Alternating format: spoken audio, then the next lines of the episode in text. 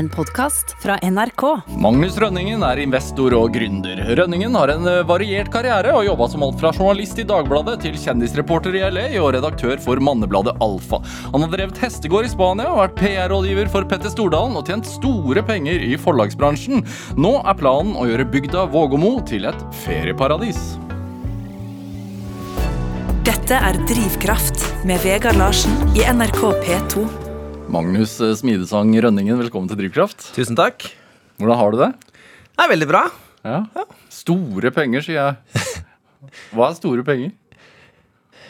Ja, nei, altså Det er vel høyst subjektivt, også hvilket land du bor i og hvilket forbruk du har. Men eh, det var store penger for meg òg, det. altså Uten at jeg skal trenge å gni det inn. Men det, jeg, har alltid, jeg har alltid sagt til mitt at en dag så kommer jeg til å tjene mye penger på en gang. Og da kanskje jeg greier å spare litt. Ja.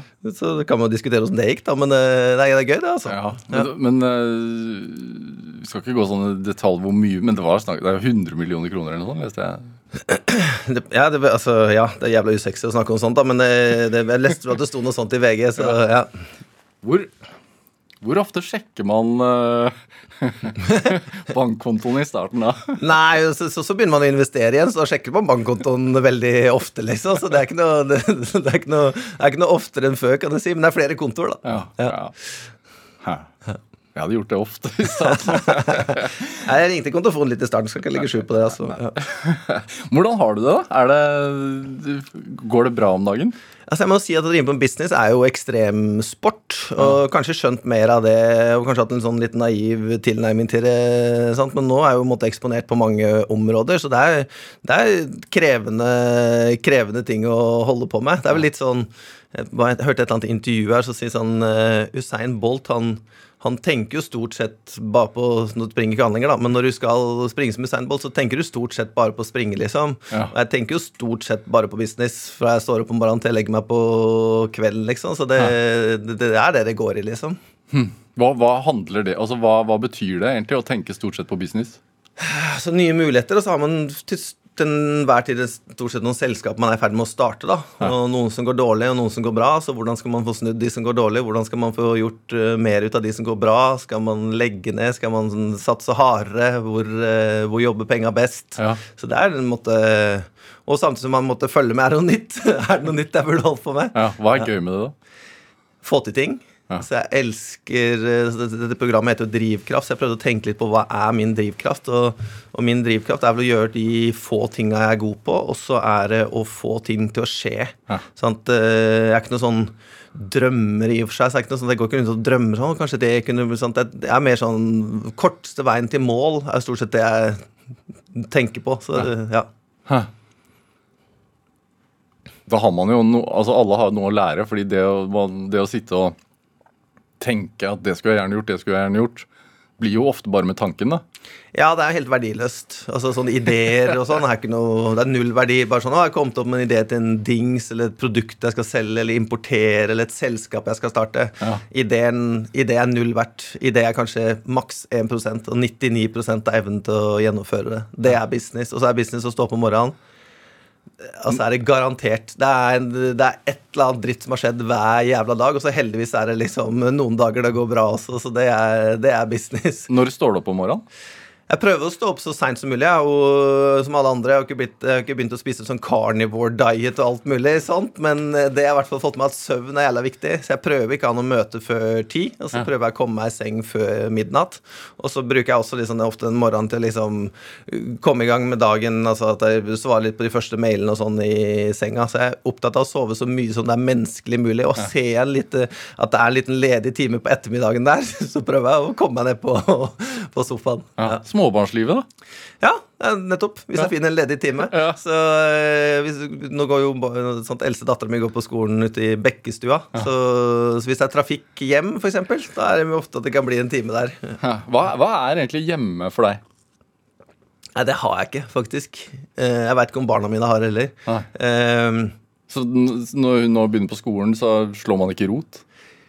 Jeg tror ikke det. Håper ikke det. Jeg har ikke tenkt å slå så mye rot, i hvert fall. Jeg har vel kanskje sånn femårskløa. Jeg, jeg vokste opp på Otta, så var jeg der i 19 år. Og så var jeg fem år i Oslo, så var jeg fire år i LA.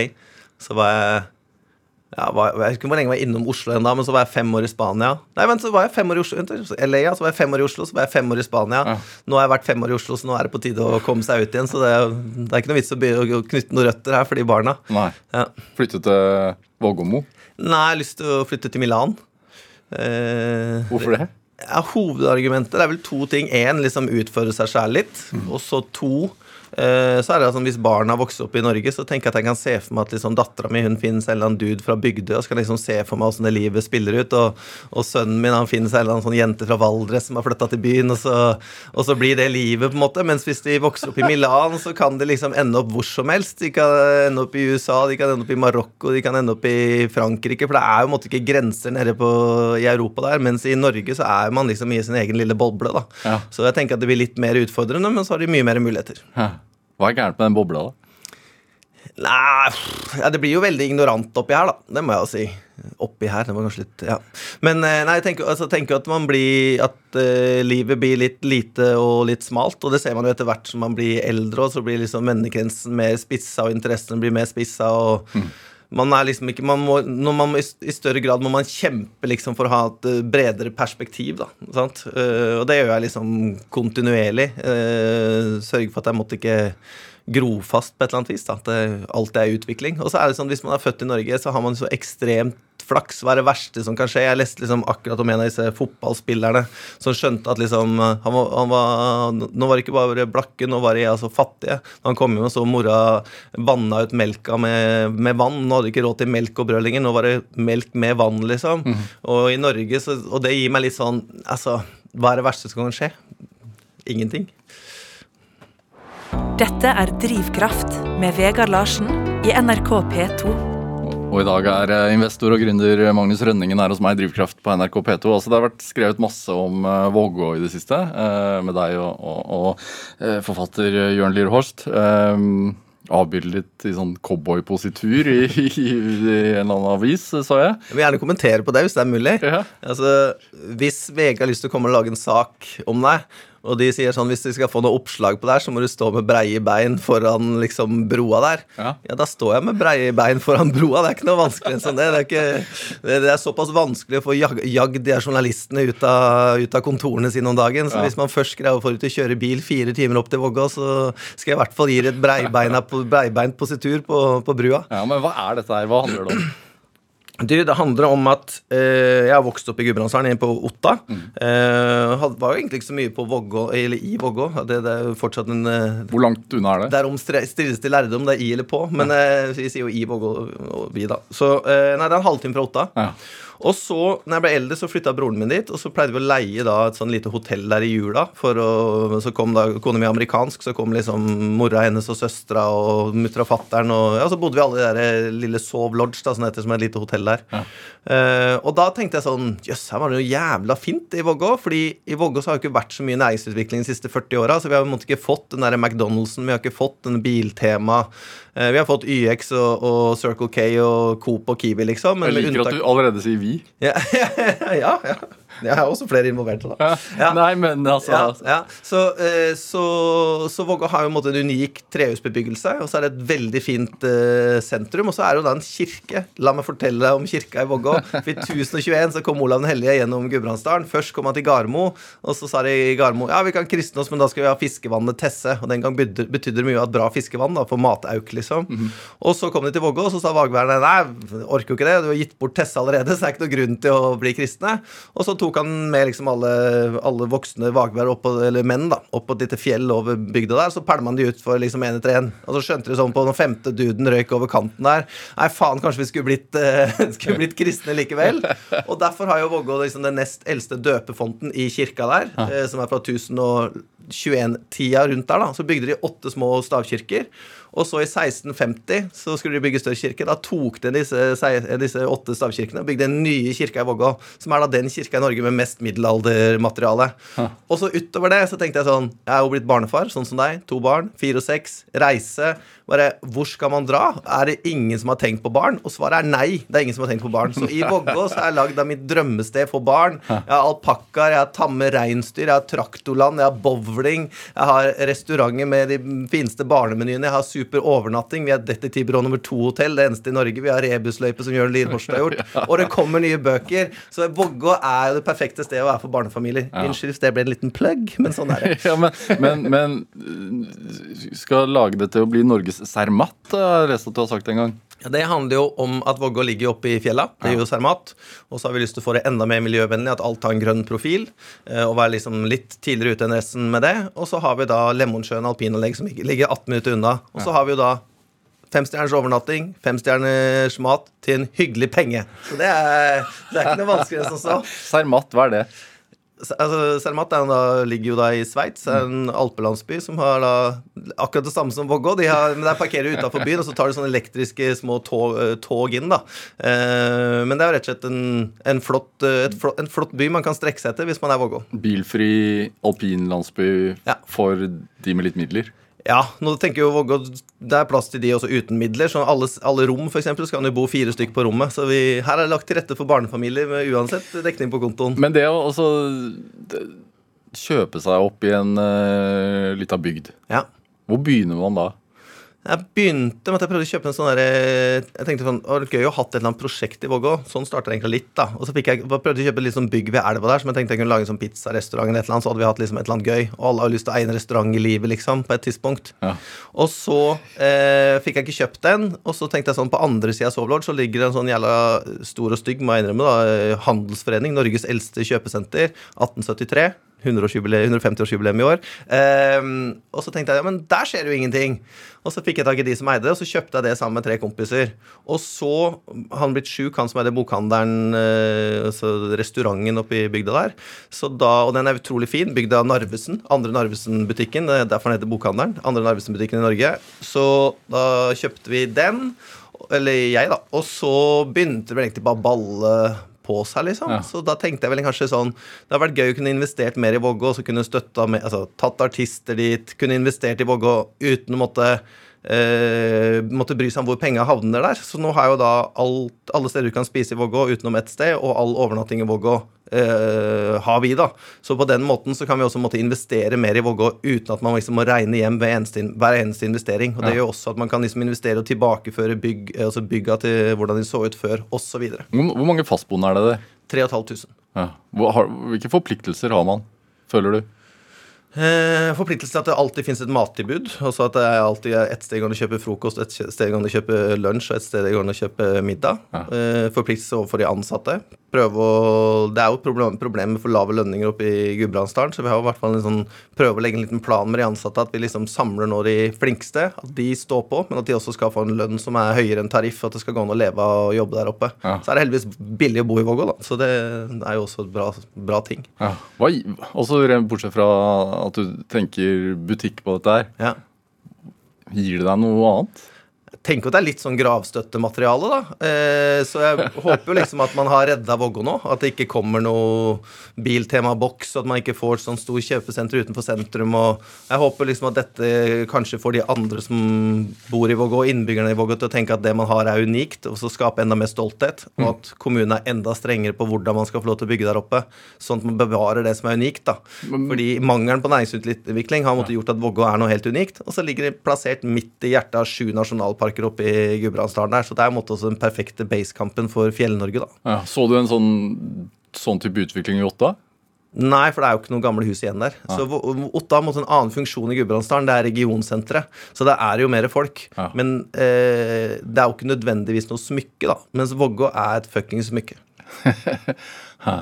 Legger du om dialekt når du er der? Ja, jeg prater full dialekt. Bare, bare sier Vågå, så begynner jeg nesten å prate vagvær. Ja. Ja.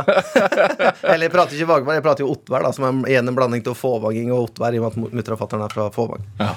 Så det er en tur til å pysje med alt med en gang jeg kommer opp i Passerer, passerer øyer. Det er enklere å få kjøpt eh, et sted når du legger om? Ja, det, nei, det tror jeg vel egentlig ikke. Men, men eh, det er nest Altså, når du har Jeg har jo prata dialekt i 22 år til livet, og snart har jeg prata forsøk på bokmål i, i 22. Ja. Så, så når jeg det har vært så mye Vågå nå, så jeg ligger det jævla latent. Så det er vel nesten mer naturlig for meg å prate vag... Eller ottvær, da, eller gudør, eller hva man skal kalle det, da, Ja. enn å prate eh, bokmål. Nå føler jeg at jeg knoter veldig, liksom. Det tenkte jeg aldri på før. Men er det identitet i det? I, i dialekten? Altså, er Er du litt annerledes? Ja, sånn, ja. ja? Nei, det tror jeg ikke. Men målet, hvor langsiktig er det? Nei, altså Jeg har ikke noe, har ikke noe plan om å gjøre noe. Altså, jeg, måtte, jeg har masse ting jeg har lyst til å fullføre i Vågå. Ja. Og så veit jeg ikke åssen det føles når man har fullført, Fordi den følelsen har jeg jo ikke ennå. Jeg har fortsatt liksom, Men det er fortsatt mye som er ugjort der oppe. Så, øh, men jeg tenker jo det at å få lov til å eie en en, en god del av en liten by. Ja. Jeg er også alltid på jakt etter en god historie. Sant? Før når jeg var ute og reiste, så var det sånn Ja, hva gjør du for noe? Nei, jeg publiserer bøker. Ja, hvilke bøker da? Nei, alt fra ditt til datt, liksom. Ah, wow, så kult. Det hadde jeg kanskje ikke trodd, liksom. Så det var en god historie. Og så mista jeg liksom den gode historien eh, når jeg solgte forlaget. Så, så eh, Men jeg tenker at med Vågå så har jeg den gode historien tilbake. Er det, hvor viktig er magefølelse? Jeg må ikke stole for mye på den. Eh, jo, så mitt glass er jo alltid halvfullt, så jeg har måttet hatt en partner i business, eller har en partner i business som heter Jonas Farsvang, og hans, hans glass er også ganske fullt, men det er ikke like fullt, da. Så man, altså eh, tjene penger og holde på med business er dritvanskelig. Å måtte skaffe seg utgifter og den biten er vanskelig. Å skaffe seg inntekter og, og gå i pluss er jo mye mer utfordrende. Så, så magefølelsen min er jo alltid kjør, på en måte. Så jeg jobber egentlig litt mot den magefølelsen. Så jeg har blitt mye flinkere på på å tenke sånn Ok, det kan vi gjøre, men hva er alle problemene som oppstår? Før så så jeg bare alle, ting, alle de fantastiske tinga som kunne skje som et resultat av det. Nå er jeg blitt mye flinkere på å se hvor er problemene kan oppstå. Ja, hva sa kona di da? Når du, nei, nå skal vi handle i Vågå. Ja, nei, altså, eh, Kona mi er amerikansk, og i Amerika så er man eh, Der er man partnere, på en måte. Så hun, eh, hun er 100 eh, supportive på gode og dårlige ideer. så, det, så det er bra. Så, Hva, hva er utfordringene da? med Med å gjøre noe sånt? Altså, Utfordringa er jo måtte opp på kort nok tid Du kan si når jeg kjøpte da Vågå hotell, så hadde vi vel noe sånn 22% belegg.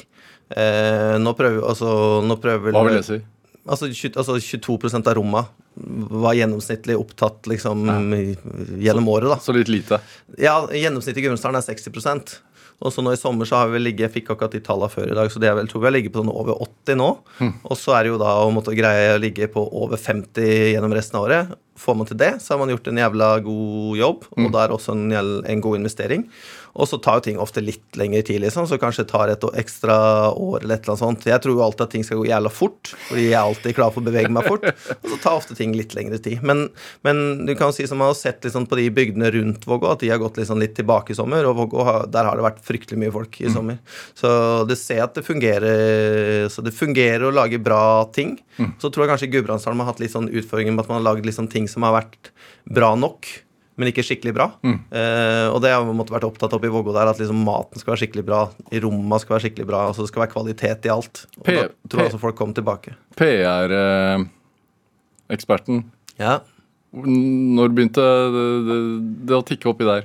Nei, altså det var veldig enkelt. Altså Når du hadde vært journalist, så veit du åssen journalister tenker. Så da veit du hva som er en god story, og hva som ikke er en god story. Så det er jo egentlig ikke noe mer hokus pokus om det. Det, jo kanskje, det kan jo virke for meg som at Altså, jeg tror journalister eh, har latent i seg å bli gode til to ting. Det er jo da å bli redaktører på bøker, for de har liksom en viss kommersielt gen når de kommer fra, i hvert fall fra storavisene. Kanskje også de mindre, det kan være helt sikkert. Og så eh, ligger også da eh, Altså journalister er også, kunne også vært gode prosjektledere for øvrig, for det er alltid mye orging. Men hva var den andre ting jeg skulle si, da? Det var, ja, det falt ut. Men det kommer jeg tilbake på. Selge ting, da, kanskje? Nei, altså journalister hva med, altså journalister har Jo, selvfølgelig! Sorry, det er helt åpenbart. Journalister er to ting. Gode redaktører og gode PR-rådgivere. Fordi at Det er jo mange som jobber i PR som ikke har vært journalist. Og da har du liksom, du har ikke sittet på det morgenmøtet, og så har du kommet med en dårlig idé, og så har du kommet med en god idé, og så har du måttet lært deg hva som er forskjellen, og hva som ofte gjør at eh, desken syns at eh, dette kan vi bli noe interessant med, liksom. Eh, og det er derfor også jeg står med breie bein oppi Vågå der, for jeg veit at de på desken tenker sånn Og der ser han Rønningen ut som en tosk. Da, får vi, da kan vi bruke to sider på den faenskapen der. Dette er Drivkraft med Vegard Larsen i NRK P2. Og i dag er eh, investor og gründer Magnus Rønningen her i Drivkraft på NRK P2. Det med journalistikk, altså du starta ut som det. Ja. Var det eh, Hvor tidlig var det en drøm? Det var aldri noen drøm. Det var to ting som skjedde. Ole Bjørne Lovelde, som er tør i Romsdals Budstikke, han dekka Otta Cup, en cup-Otta. Så hørte jeg at han fikk 500 spenn for å skrive en sånn liten artikkel, og da våkna griskheten inni meg. Og det andre var at jeg var keen på å bli sommer, ha sommerjobb på Jernia på Otta, for da visste jeg at man fikk jobb på høsten, og at de betalte litt over tariff. Så jeg tenkte at det var også en god måte å tjene noe penger på. Og så hadde jeg da en norsklærer som sa du skal ikke jobbe på Jernia. Jeg tar en prat med lokalavisa, så kan du prøve deg der. Og så hadde jeg da utplasseringsuke på lokalavisa. Og så, Da var jeg vel 14, og så begynte jeg å skrive deretter. da. Og Så jeg fikk jo både godt betalt og liksom tilbakemelding på at jeg gjorde en god jobb. Og det er ikke noe mer som skal til hvis du er en enkel sjel for landet. Så dekning på kontoen og litt skryt, så var jeg klar. Ja. Hva var den første artikkelen? Jeg lurer på om det var en artikkel om at Mariann Sæter i klasse hadde funnet årets første løvetapp. Ja. Ja. så en ganske klassisk variant der, altså. Men så pengedrevet, rett og slett, da. Fra tidlig av. Ja, penge, pengedrevet pluss Ja da, jeg må ikke si det. Altså, Jeg holdt alltid på med en eller annen business. Og så var det en sånn brukthandel på Otta, og han eh, han kjøpte sånne femmere fra noe 1967 og 1945 og noen sånne forskjellige greier. Og det var det forskjellige sånne priser på, men typisk sånne 100 kroner, da. Så jeg gikk jo hver mandag, tok ut alle pengene jeg hadde på gull, Postens gullkonto.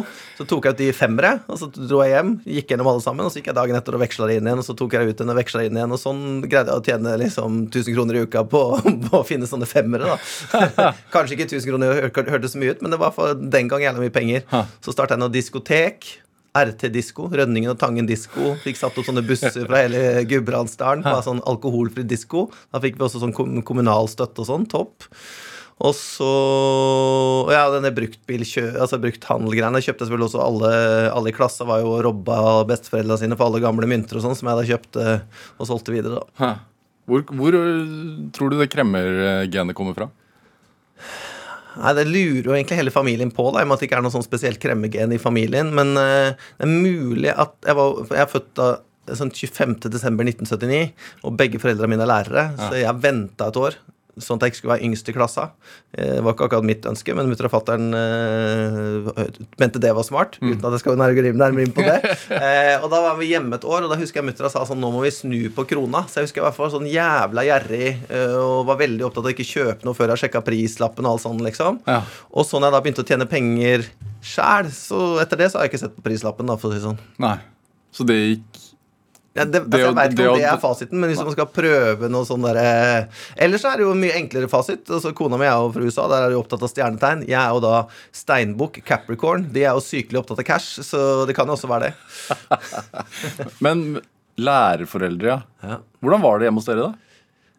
Ja, altså, så det var veldig altså, Det var noen fantastisk flott og trygg eh, oppvekst på et lite sted uten noen naturlige fiender, skulle jeg si. Så det er vel kanskje sånn eh, På, på gård, eller i Nei da, vi var oppvokst fire kilometer rett opp i Huttiheita fra Otta sentrum, så jeg var ikke noe bygutt. Jeg var, kom fra landsbygda utenfor eh, storbyen Otta. Ja.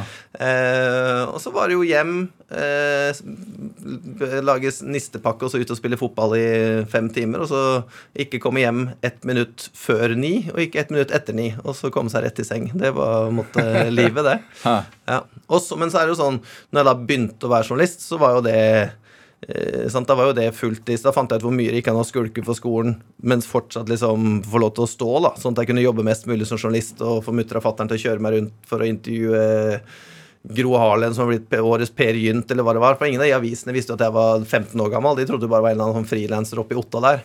Så jeg husker da jeg kom inn på Nasjonen i Oslo og hadde fått meg sommerjobb, og de skjønte at jeg ikke hadde sertifikat for at jeg var 17. Det var altså gøy, da. Men utferdstrang? Keen på å oppleve mest mulig. Jeg Ja. tenker liksom at man lever en helt sånn Det har sikkert vært bedre NRK1 på TV-en var jo sikkert det eneste. Og Ja, vi fikk jo, hadde jo svart-hvitt-TV og NRK1 her vi lenge etter at TV2 var lansert. Så, men, men jeg tror altså utferdstrangen Nei, nei vet da faen. Kanskje det var litt, ble litt lang tid på et lite sted, liksom. Eh, glad i å lese. Lest, eh, lest om alle som har gjort spennende ting. Kim på gjøre noe spennende ting sjøl. Som hvem? Nei, altså Alle mulige sånne altså, oppdagere. Altså Tor Eirdal eller ja, Amundsen og Nansen og Ja. ja. Du, jeg, jeg har jo vært i Dagbladet sjøl. Ja. Eh, cirka litt sånn samtidig som deg, uten at vi var omgangsvenner av den grunn. Men, men jeg husker jo at den gang da jeg startet i Dagbladet, så hadde du allerede fått et rykte Ja. for å være ganske rå. Ja, Eh, og som jaktet overskrifter. Ja det, det skal være sikkert. Hva, hva, hva Hva var tanken bak det? Nei, det vet ikke hva den tanken Men av og til så har jeg jo tenkt at jeg er et sånn der, eh, papirark som egentlig ikke fortjener å flyte, men så er det to sånne motorer bak som kjører såpass fort at det flyter likevel. Så det, det, det kan jo være litt sånn den pakka òg, men det er klart eh, syns det var jævla gøy å være på trykk, da. Altså nå er jo måtte, Jeg har jo vært altså, sant, På et eller annet tidspunkt så tenkte jeg sånn det, det perfekte liv er jo hvis man har dekning på kontoen og er ukjent. Men nå med dette Vågå-prosjektet så måtte jeg jo liksom eh, hoppe av eh, Jeg måtte være tørrlagt PR-kåt, kan man si. da Så nå er jeg måtte av vannvogna, da så nå har jeg både stilt opp i VG og sitter her og skal snakke om meg sjæl en times tid, liksom. Så, så hvem veit? Spørs om liksom udyr er sluppet løs igjen, da. Men, men det, hvordan opplevde du det da, å komme til Dagbladet? Jeg syns jo det var det feteste i hele verden. Jeg fikk jo sommerjobb i VG òg, men på det tidspunktet så syns man Eller i hvert fall jeg, da, og kanskje litt sånn prega av at mutter'n og fatter'n alltid kjøpte Dagbladet òg.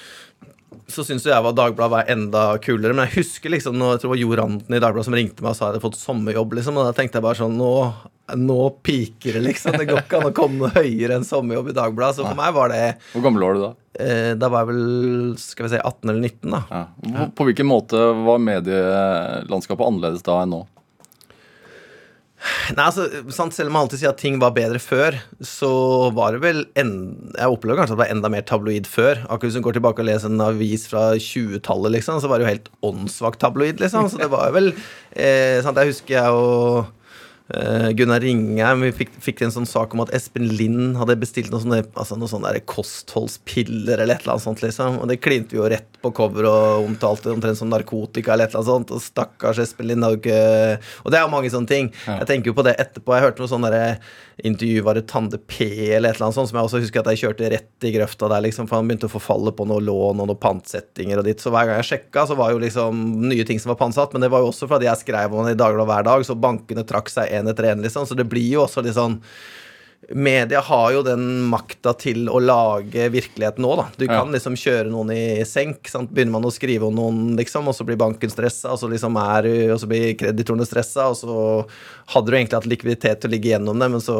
har du plutselig ikke det lenger, da. Fordi at alle begynner å bjeffe, liksom. Hvordan er det å være 19-20 år og, og føle på den, Jeg tror ikke jeg skjønte helt den pakka. Jeg levde jo liksom bare i en boble. Jeg var bare i Dagbladet. Altså, jeg var i Dagbladet, så var jeg ute og drakk og prøvde å finne en kilde eller et eller annet sånt, og så var det å komme seg ned på jobb igjen, liksom. Og gjerne da sitte med liksom de på desken og vente på at avisa skulle komme for trykken for å se om man har fått førstesida, eller hva man har fått, da. Mm. Så det var jo en, eh, en drøm, men også liksom en, definitivt en boble, da.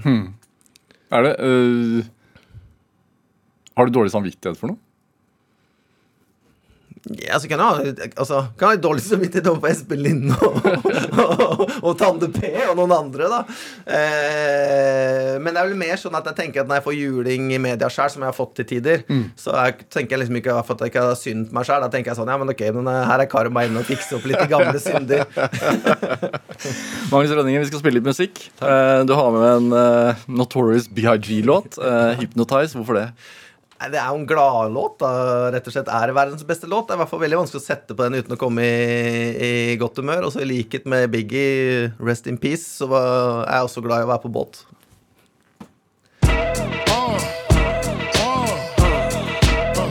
Come on. Ha, sicker than your average. Pop a twist cabbage off instinct. Niggas don't think shit stink. Pink Gators, my Detroit players. Tim's for my hooligans in Brooklyn.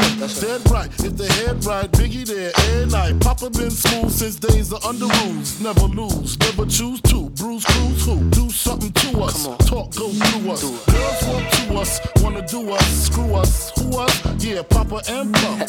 Close like Starsky and Hutch, stick to clutch. Yeah, I squeeze three at your cherry M3, bang every MC easily. Take that. Easily. Ah. Recently, niggas frontin' ain't saying nothing, so I just speak my peace, keep on my peace. Cubans with the Jesus peace, Thank with you, my man. peace, packing, asking who want it. You got it, nigga, flaunt it. That Brooklyn bullshit, we on it. Biggie, biggie, biggie, can't you see? Sometimes your words just hypnotize me. And I just love your flashy ways. I guess that's why they're broken, you're so fake. Biggie, biggie, biggie, uh-huh. can't you see? Uh-huh. Sometimes your words just hypnotize me. And I just love your flashy ways. I uh-huh. guess that's why they're broken, you're so fake. Uh, I put hoes in NY onto DKNY. Miami, DC, prefer Versace. Mm-hmm. That's right. All Philly hoes know it's Moschino. Every cutie with the booty, boy, the coochie. Now who's the real dookie? Meaning who's really the shit? Them niggas ride dicks. Frank White push the six on the Lexus LX, four and a half. Bulletproof glass tints if I want some ass. Gon' blast, squeeze first, ask questions last. That's how most of these so-called gangsters pass. At last, a nigga rapping about blunts and broads, tits and bras, menage a trois, sex and expensive cars, and still leave you on the pavement. Condo paid for, uh-huh. no car payment. Uh-uh. At my arraignment, note for the plaintiff. Your daughter's tied up in the Brooklyn basement. Face it, not guilty. That's how I stay still. Not guilty. Richer than richer, so you niggas come and get me. Come on. Biggie, biggie, biggie, can't you see? Sometimes your words just hypnotize me. And I just love your flashy ways. I guess that's why they're broken, you're so fake. Biggie, biggie, biggie, Uh-huh. can't you see? Uh-huh. Sometimes your words just hypnotize me. And I just love your flashy ways. I uh-huh. guess that's why they're broken, you're so fake. Can fill you with real millionaire shit. That's cargo, my cargo, 160, swiftly. Wreck it by your new one. Your crew run, run, run, your crew run, run. I know you sick of this lame brand nigga with flows. Girl, say he sweet like licorice. So get with this, nigga, it's easy. Uh-huh. Girlfriend, here's a pen. Call me round 10, come through, have sex on rugs, that's Persian. That's right. Come up to your job, hit you while you're working for uh. certain. Papa freaking, not speaking. Leave their ass leaking like rapper demo. Tell them who, take their clothes off slowly. Kill them with the force like Obi. Dick black like Kobe. Watch me roam like Romy. Lucky they don't owe me. Where the safe, show me, homie. Homie. Biggie, biggie, biggie, can't you see? Sometimes your words just hypnotize me. And I just love your flashy ways. I guess that's why they're. Ja, Du fikk eh, Notorious BIG med Hypnotize her i Drivkraft eh, på NRK P2. Valgt av dagens gjest her i Drivkraft, eh, nemlig investor og gründer Magnus Rønningen. Prata så vidt om eh, fartstida i, i Dagbladet.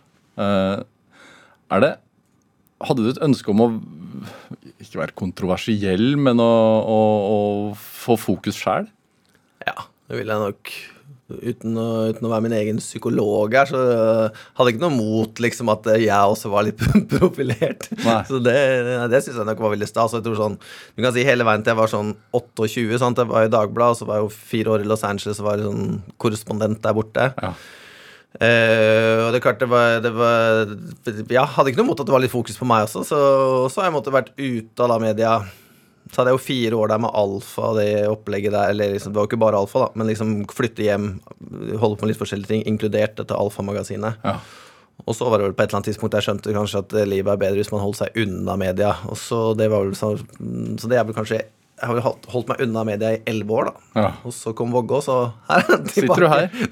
tilbake igjen. Det med, det med Los Angeles, du flytta jo dit uh, kjendisreporter for Dagbladet. Dekka også Hurricane Katrine, bare så det er sagt. Men ja da, det var mye hotellrom med, med kjendiser. Ja. Det var det. Uh, og, og bodde sammen med den i hvert fall den gang da veldig ja, kjente musikkvideoregissøren og produsenten Ray Kay Ja. eh, i et hus Ja. i, i Hollywood. ja, vi bodde litt forskjellige steder. Som ble også en TV-serie. Nei, det blei vel aldri det. Men det var, altså, vi, det, vi kalte det liksom Hus i Hollywood, og så var det i hvert fall litt sånn prat om det. Men det er, klart, det er jo litt sizen på Norge. Det er jo ikke så mye du trenger å gjøre for at det blir en stor greie, da. Så det, det var vel mer prat om Hus i Hollywood enn hvor unikt det egentlig var, da. Ja. Ja. Og så skrev du en bok. Ja da, det er korrekt. Oppskriften. For deg som vil opp og fram. Ja. Ja. Det var ca. samtidig, eller sånn i Ja, det var jo altså det, Ja, det var vel Skal vi se, da. Den boka kom vel ut på sommeren 2008, tror jeg. Og så flytta jeg hjem igjen fra LA, altså desember 2008. Da hadde jeg vært der liksom på dagen fire år. Ja. Eh, Hva lærte du der borte? Jeg blir jo på en måte eksponert for verden, da. Så det er på en måte unikt for nordmenn. Som, sant? Vi er på en måte, eller nordmenn, da, i og med at jeg nå prøver å si at jeg er litt annerledes. da. Men så Nordmenn liker jo å stikke ned til Frankrike og spise sjømatfat, og så komme seg hjem til Norge og, og synes egentlig det er bedre. eh, men så er, altså du kan si det, det jeg lærte mest av livet, var et halvt år i Danmark på en skole der. Eh, og da må jeg liksom greie meg sjæl for første gang. Det var ikke sånn å ringe mutt, altså, Når jeg var i Oslo, så følte man alltid at de hadde mutter og fatter'n som et eller annet sikkerhetsnett. Men når jeg var i Danmark, så måtte jeg liksom greie meg sjæl. Var liksom først liksom hjemme aleine-festen. Og så ble jo da eh, Los Angeles, og så Det ble jo måtte fire år hjemme aleine-fest, da. Men, eh, men man blei jo Jeg ble jo ganske god i engelsk, og fant jo hun som skulle bli kona mi, så det var jo kanskje de to viktigste tinga som skjedde. Og så igjen da litt eksponert for verden og møtte masse forskjellige folk og prøvde å få til mange ting. Mm. Der de fikk til de færreste av de, bare så det er sagt. Men eh, og det var jo sånn overraskende for nordmann, for i Norge, hvis du møter noen og de sier at de har lyst til å gjøre noe, så blir det jo ofte gjennomført. Ja. Men i LA så handler det bare mye om å prate, liksom. Det er veldig mye drømmere der, og lite gjennomføring. Ja. Ja. Var du en gjennomfører der, da? Prøvde. Ja. Kan jo si at det var kanskje begrenset hvor mye jeg fikk til, da, men eh, Hva fikk du til? da? Nei, jeg kan si det. Jeg fikk til å bo et fint liv i LA. Tok en litt sånn jo jobba ekstremt mye i livet mitt, så jeg følte kanskje at de fire åra i LA også var litt sånn ta igjen litt sånn ungdomstid, for helt ærlig. Så, så det var Nei, det var jævla gøy. Det var liksom et sånn uh, Fikk rast fra deg? Ja, til en viss grad. Hva lærer man om uh, mekanik, altså hvordan Norge fungerer fra utsiden da? Ja, Man får i hvert fall litt sånn annet perspektiv på Norge. da Også, Ja. sant, Det man lærer av å være ute og være måtte, eksponert for verden Nå tenker jeg ikke bare på LA. da uh, Det er jo sant, man, man, Norge så ser man jo ofte man, man vurderer resten av verden opp mot Norge. Eksempelet var i India, som kanskje er mitt favorittland. Og så kom jeg hjem, og så alle bare sånn Å, jeg liker ikke India. Det er så, det er så, sant, det er så mye sånn ekkelt med de her fattige. Og så er det liksom eh, Maten blir så dårlig i magen, og liksom det greiene der.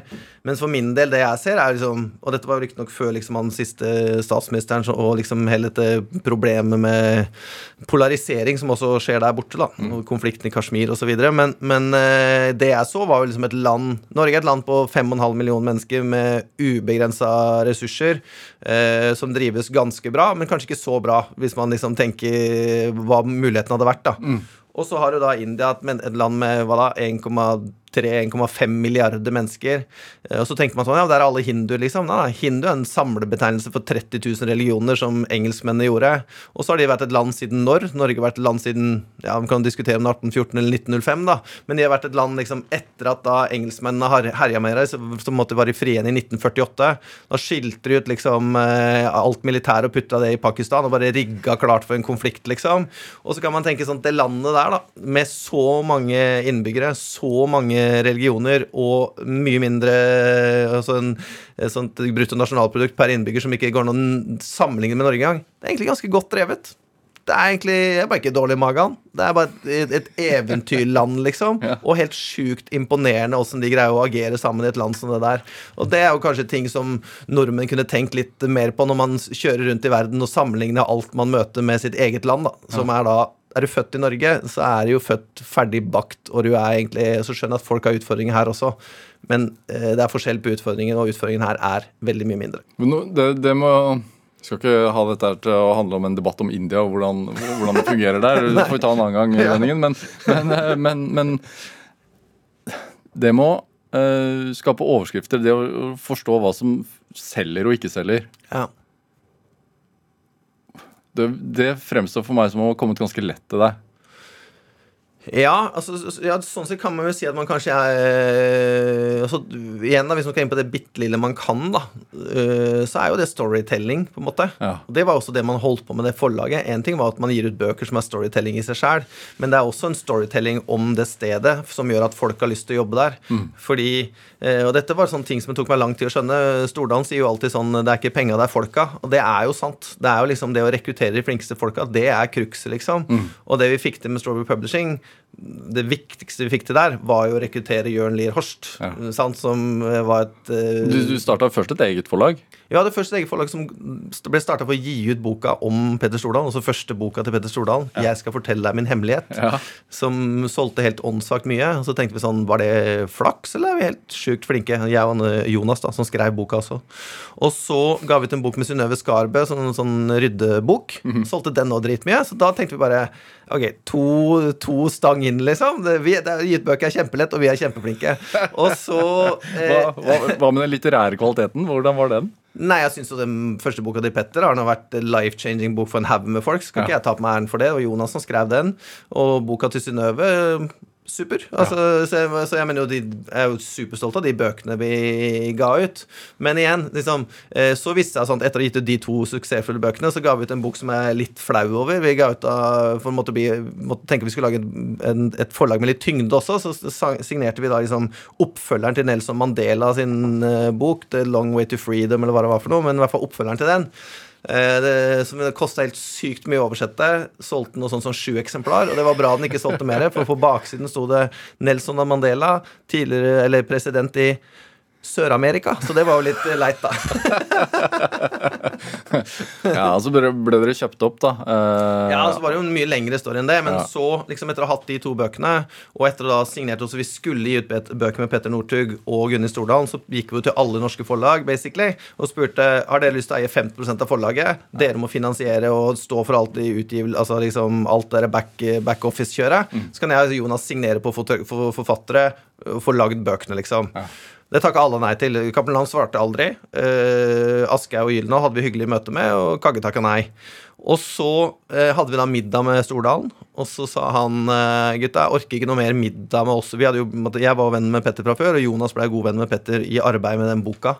Og så sa Petter jeg orker ikke ha noe mer middag der dere skal snakke om at dere er et forlag, og jeg holder på med hotell. Vi må jo gjøre noe sammen. Dere skal ikke inn på hotell, så da må jeg kjøpe meg det der forlaget. Jeg kan kjøpe en tredjedel, liksom. Ja. Nå gjør vi det veldig enkelt. Alle tar BI. ei, liksom, jeg Kan jeg få en serviett, liksom? Ok. Tre servietter og tre penner. Okay. Alle skriver eh, hva de mener at det forlaget er verdt.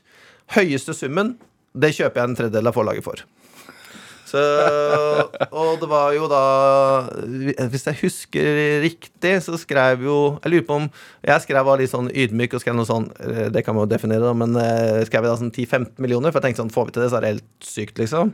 Og så tror jeg Jonas skrev kanskje noe sånn 50 eller noe sånt, for han har lært seg sånn anchoring, så den er bra. Gammel rapper ute. Ja, ja, og så tror jeg Petter kanskje skrev 25, og så sa han sånn eh, Det var for 25 som ble summen, så han sa i hvert fall Eller så var det rett og slett at, at, eh, at Jonas hadde den heise summen. Men i hvert fall, han betalte 25 millioner mer enn det forlaget var verdt, da.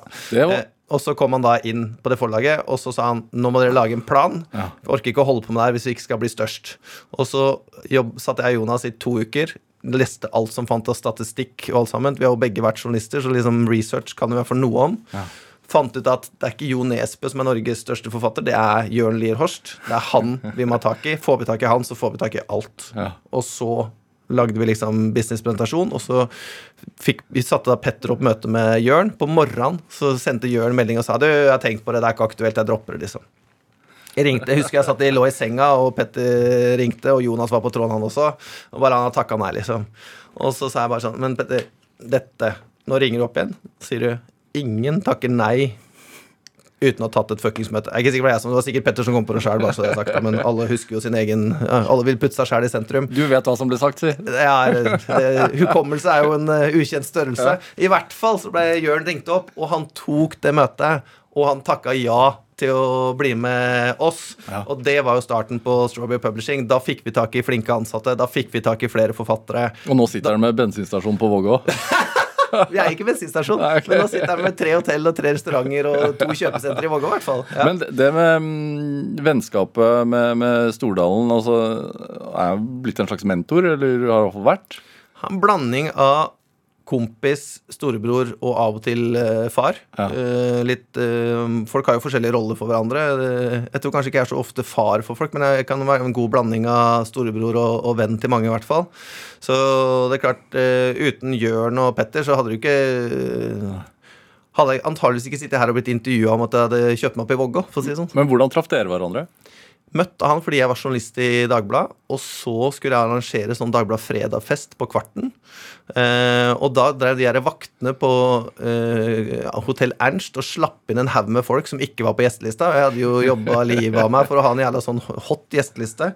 Og så kom da Stordalen og ville inn på fest, han også. Så sa jeg glem det, du kommer i hvert fall ikke inn. Eh, sa han hvorfor det? Nei, de jævla vaktene dine ødelegger jo festen min. Og så sa han sånn ok, hør nå, dere må høre på han, han skal bestemme her. Og så kom da Petter inn og sa han dette var jævla gøy. Du, jeg har et hotellrom her som er eller, Ja, for det var hans hotell. Ja, det var på Hotell Ernst. Ja. Og så han Nekta eieren å komme inn. Ja, og så, men det var for at han ødela festen min, eller hans folk, da. Og så, og så sa han jeg har en uh, suite der som jeg ikke skal bruke. Jeg sender opp noe vin og noe øl og sånt der, så tar du og kjører et nachspiel der oppe. Og så kan vi ringes i morgen, så kan jeg få rapport, liksom. Og så det var liksom Og da utveksla vi nummer og, og sånn, og så Ja, så hadde jeg jo et nachspiel der. og så ringtes vi og snakka dagen etter. Og når jeg da flytta til LA, så var han en av de første som kom og besøkte meg, og så var vi i Las Vegas og ja, hatt det helt ufattelig mye gøy sammen, Ja. egentlig. Hvordan, hva, hva skal til for at det oppstår et vennskap blant eh, voksne menn? Nei, For min del er det sånn hvis du har, har noe skills og noe trøkk, så er jeg med. Er Ja. med. Og så kan de skillsa være hva som helst, men jeg bare elsker folk som er flinke til et eller annet. Og så må det være noe trøkk, da. Ja. På hvilken måte utfylte dere hverandre, da? Ja, nei, si det. Altså, det var vel øh, eh, Ja, jeg vet ikke hva han så i meg, men jeg så nå i hvert fall noe skills og trøkk i han. og så var det jo Ja, altså, vet da faen. Jeg nå har det morsomt sammen. Det er vel ikke noe vanskelig enn det. Altså, man- jeg får jo stadig nye venner i voksen alder. Jeg syns det er helt topp, jeg. Ja. Ja. Hvor Altså, du drev jo Magnum Media, Ja. som gikk uh... Ja, altså vi Jeg har i hvert fall lest i avisa at vi henta en dame ut av fengsel i Bolivia. Ja. Og, og øh, det Hvis det er sant, så kan det hende at det kosta litt. Og Ja. så, så var det jo sånn at det, det bladet solgte Altså Alfa, da, som var det mannebladet som Magnum Media ga ut, Mm. Det solgte jo jævla bra i starten. Og så solgte det etter hvert jævla dårlig. Uh, så da brukte man jo for mye penger og tjente for lite. Mm. Og jeg minner jeg hadde null, altså absolutt null kontroll på inntekt. Jeg skjønte ikke engang Jeg visste ikke hva, hva det å være daglig leder visste betydde engang, liksom. Og så har jeg kanskje en mistanke om at de rundt meg trodde jeg hadde full kontroll, fordi det sto sikkert ikke på selvtilliten, hvis jeg skal kikke tilbake. Hvor kommer den fra? Hæ? Selvtilliten. Nei, altså, kanskje man er oppvokst et sted. Altså, hvis, du, hvis du tenker at det er en sånn liten sånn eh, En liten eh, Hva sa moren din til deg for å bygge selvtillit, eh, Rønningen? Nei, jeg tror jeg føler vel kanskje de har prøvd å bremse ganske kontinuerlig fra jeg begynte på skolen, i hvert fall. Men, eh, men jeg, kanskje hvis det ikke var noe, noen sånn naturlige Det var jo ikke så veldig mye eh, Altså Hvis man er oppvokst i Oslo, så får man sikkert kjørt seg, og det er jævla hard konkurranse og i det hele tatt. Det var jo ikke det oppe i Otta der, så det var kanskje liksom å opp- å vokse opp uten uh, altfor mye naturlige fiender. da Så Ja. egentlig et veldig, det var At du egentlig levde igjen en sånn liten boble. da Så du måtte fått eh, Men jeg husker jeg kom altså, For jeg hørte jo etterpå når jeg kom til Dagbladet, at folk syntes jeg var helt avskyelig, liksom. For der kom det jo en sånn 19-åring inn på første morgenmøte og hadde liksom fire saker klare og bare med blinders på, da. Ja. Så øh, Hvordan vil du beskrive deg selv, da? nå Ja. Ja, nei, hva faen. Nei, jeg håper at det er det jeg liker. da. Noe litt skills og litt trøkk. ja. Empatisk? Eh, lav på empati.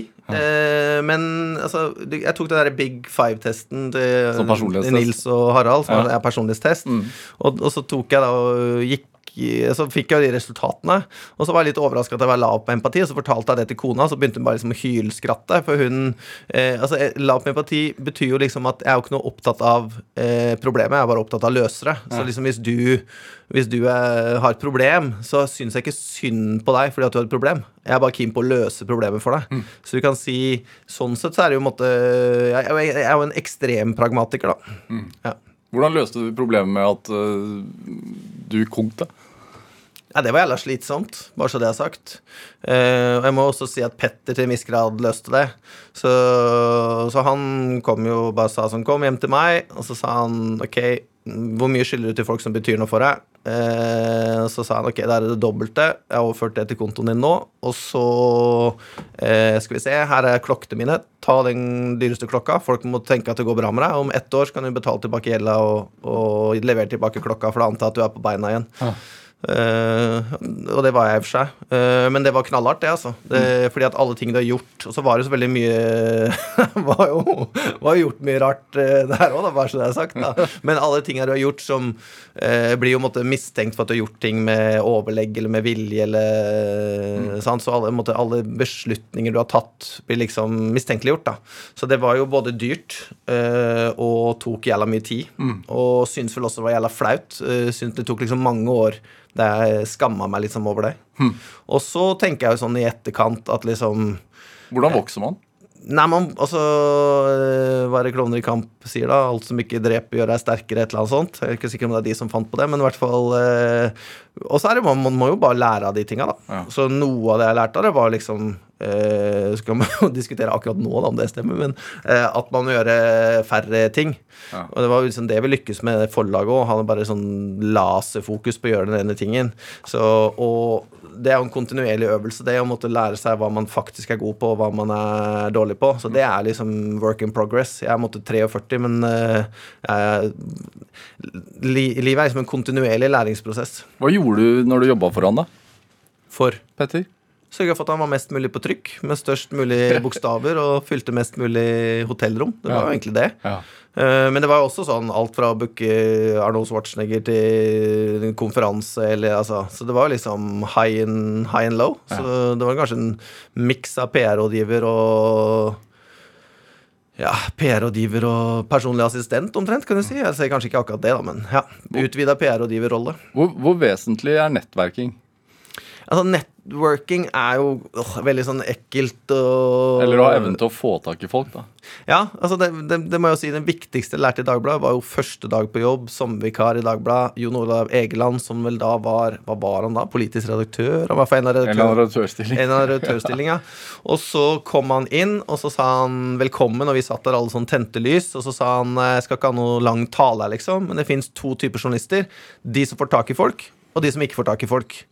Og jeg forbanna meg på at det skulle være en som får tak i folk. Og det er vel i og for seg fortsatt hvis det er business. Hvis det er noen jeg skal ha tak i, liksom Uansett hvor i verden de måtte befinne seg, så får jeg tak i de. Eh, og det der eh, seven degrees eller six degrees of separation, hva faen det heter for noe, eh, det stemmer jo. Og som regel er det ikke mer enn to-tre jeg, har, jeg lagrer absolutt alle som ringer meg, uansett hvem det er. Telefonselger, taxi, altså hva enn. Så jeg har noe sånn jeg tror jeg har sånn 15 000 nummer på mobilen, så jeg er alltid jævlig overraska hvis ikke noen er på mobilen allerede. Hvor er det Det er som en sånn pitbull terrier. Altså, du biter deg Altså, du maser. Nei. Gir ikke opp. Ja, nei, men trenger altså, det, igjen, det handler jo litt om denne pitchen. Folk har lyst til å snakke med deg hvis du har, en, hvis du har noe vettugt å snakke om. Ja. Og hvis du også tenker på hva kan de få ut av det. De fleste, de fleste tenker bare på hva de skal få ut av ting sjøl. Jeg tenker jo liksom hva står inn, og hva kan de få ut av det. Hva tenker du på når du rir? Nei, da tenker jeg jo at livet er komplett, og tenk, altså, tenk hvordan jeg har lykkes i livet, som kan sitte på denne hesten og banke løs, liksom. Eh, og så er man jo veldig obs på alt med hesten, da, for det er jo Nå skal jeg ikke si at alt jeg holder på med er ekstremsport, det er jo ikke det, men eh, du, skal, du skal følge med når du rir hest, da, for å si det sånn. Så det er jo også det. Og så er det en måte en kontinuerlig øvelse der du må passe på at du sitter riktig og gjør riktig, og sender riktige signalene til hesten, så, ikke, så den veit hva han skal gjøre hele tiden. Ja, for Du nevnte jo tidligere at du var sånn elleve år eh, hvor du ikke var noe i media i det hele tatt. Og, og eh, plutselig så så jeg deg på en eller annen artikkel eller på en eller annen nettside på en hesterygg nede i Spania. Ja, eh, med langt hår og svært skjegg. ja. Eh, og så tenkte man hva, hva i all verden har skjedd her? Ja. Ja, kanskje en tidlig sånn 40-årskrise. Det var egentlig ikke det, men, men ja, jeg elska hest dypt og inderlig fra jeg ble født. Eh, og så når jeg var, fikk liksom dekning på kontoen sånn jeg var sånn eh, Hvor gammel var jeg da, da? Par og 30. Eh, så begynte jeg liksom å re- reise rundt i verden og ri. Og så bare liksom reise de beste stedene og ri de fineste hestene, og syntes det var helt uh, suverent, liksom. Mm. Uh, liksom barndomsdrøm som ble utlevd. Og så ringte en venninne av meg uh, en morgen og sa nå orker jeg ikke at du skal reise, som også hadde ridd i oppveksten. da. Så sa nå orker jeg ikke at du skal på noe mer sånn her rideturer uten at jeg er med. Og så prøvde jeg å booke noe sånn ridetur i Tarifa eller liksom et eller annet sånt. For jeg tenkte også, det var også greit at de hestene var i nærheten av en eller annen by, da, i og med at jeg var singel. så tenkte jeg at det var også en hyggelig liksom bigers Eller ja, you know. Så, eh, men i hvert fall så sa hun ja, men alt der er booka opp, men det er liksom en sånn tradisjonsby i Spania som heter Jerez. Der jeg, så jeg så googla, jeg så bare sånn sherrytønner og sånne hester sånne der, eh, med sånne der, rare outfits og sånn, så jeg tenkte bare ja, for et helvete. Men jeg var såpass fyllesyk på morgenen der, så jeg orka ikke å krangle, så jeg bare ja, men da tar vi det, liksom. Og så hadde jeg da vært når vi skulle ned dit, som var 16. mai, så hadde jeg vært på sånn 16. mai-fest hos Petter, som var sånn utkledningsfest. Jeg var kledd ut som sånn svensk boyband av noe slag. Jeg husker ikke hva det heter. Man deltok i Grand Prix. Og så, eh, på natta der, så ringer hun sånn klokka fire, eller halv fire eller sånn, og da sitter jeg på en sånn strippeklubb nede i, eh, sentrum her, i den derre outfiten, og så Uh, og så sier han 'er du klar for tur', liksom. Så jeg bare 'å shit, det der har jeg glemt helt av', liksom. Så jeg dro hjem, eh, tok med meg passet og liksom eh, kjørte til Gardermoen og fikk liksom bytta til noe sånn eh, ja, et eller annet. Og så fløy vi da ned til Jerez. Var der og rei da med det som viste seg å være greven av, eller sønnen til greven av. For han eide jo alt. Kunne ri i alle retninger, liksom. Og for første gang i mitt liv så tenkte jeg sånn Han har et bedre liv enn meg. Så sa jeg jeg flytter hit. Finner meg en gård. Ja. Så flytter jeg ned. Det var, det var 17. mai. Og så sa, fant han en gård. Og så sa jeg bygg et svømmebasseng, så tar jeg over den gården her. Og så gjorde de det, og så flytta jeg ned i september det samme året. Og så var det fem helt fantastiske år. Og underveis så skjønte jeg at hun Chanel som jeg hadde møtt i LA, hun hadde passa fint der nede. Og så kom hun over, og så ble hun gravid, og så hu hei. Da var vi liksom. Ja. Ja. Er det svømmebasseng på vår gård? Eh, ja, det er snart ferdig. Ferdig i oktober. Bygger opp hotellet nå. Ja. Magnus Rønningen, hva, hva tenker du er drivkraften din? Nei, altså jeg, tror, altså jeg tror den er ganske sånn basic. Og det er bare Jeg liker at ting skjer. Jeg liker å få til ting. Altså På den der Big Five-testen så scora jeg jo skyhøyt på sånn aktivitet. Så, så liksom at det, er, at det skjer noe nytt, og at jeg får gjennomført ting, og ser liksom resultat av det, det, er, det er nok min drivkraft, liksom. Gjennomføring. Rastløshet? Det er nok til en viss grad, det òg. Hvor går veien nå, da? Nei, si det. altså Nå skal vi jo ferdigstille Vågå, og så har jeg noen nye planer, så det de tror jeg det kommer til å smelle av, men det får vi ta. Jeg har lært meg én ting til i livet, og det er å ikke selge skinnet før bjørnen er skutt. Det tok meg jævla lang tid å lære, men nå har omsider skjønt det, så det er bra. Ja, Vi får snakkes igjen om elleve år, da. Ja, Ses i Vågå. Magnus Rønningen, tusen takk for at du kom til Drivkraft. Hør flere samtaler i Drivkraft på nrk.no eller i appen NRK Radio. Send oss ris eller ros, og også tips til mennesker som du mener har drivkraft. Send en e-posten til drivkraft.krøllalfa.nrk.no. Vi hører veldig gjerne fra deg. Produsent og researcher i dag, det var Melody Holst Talibi. Dette var Drivkraft. Jeg heter Vegard Larsen. Vi høres. Du har hørt en podkast fra NRK. Hør flere podkaster og din NRK-kanal i appen NRK Radio.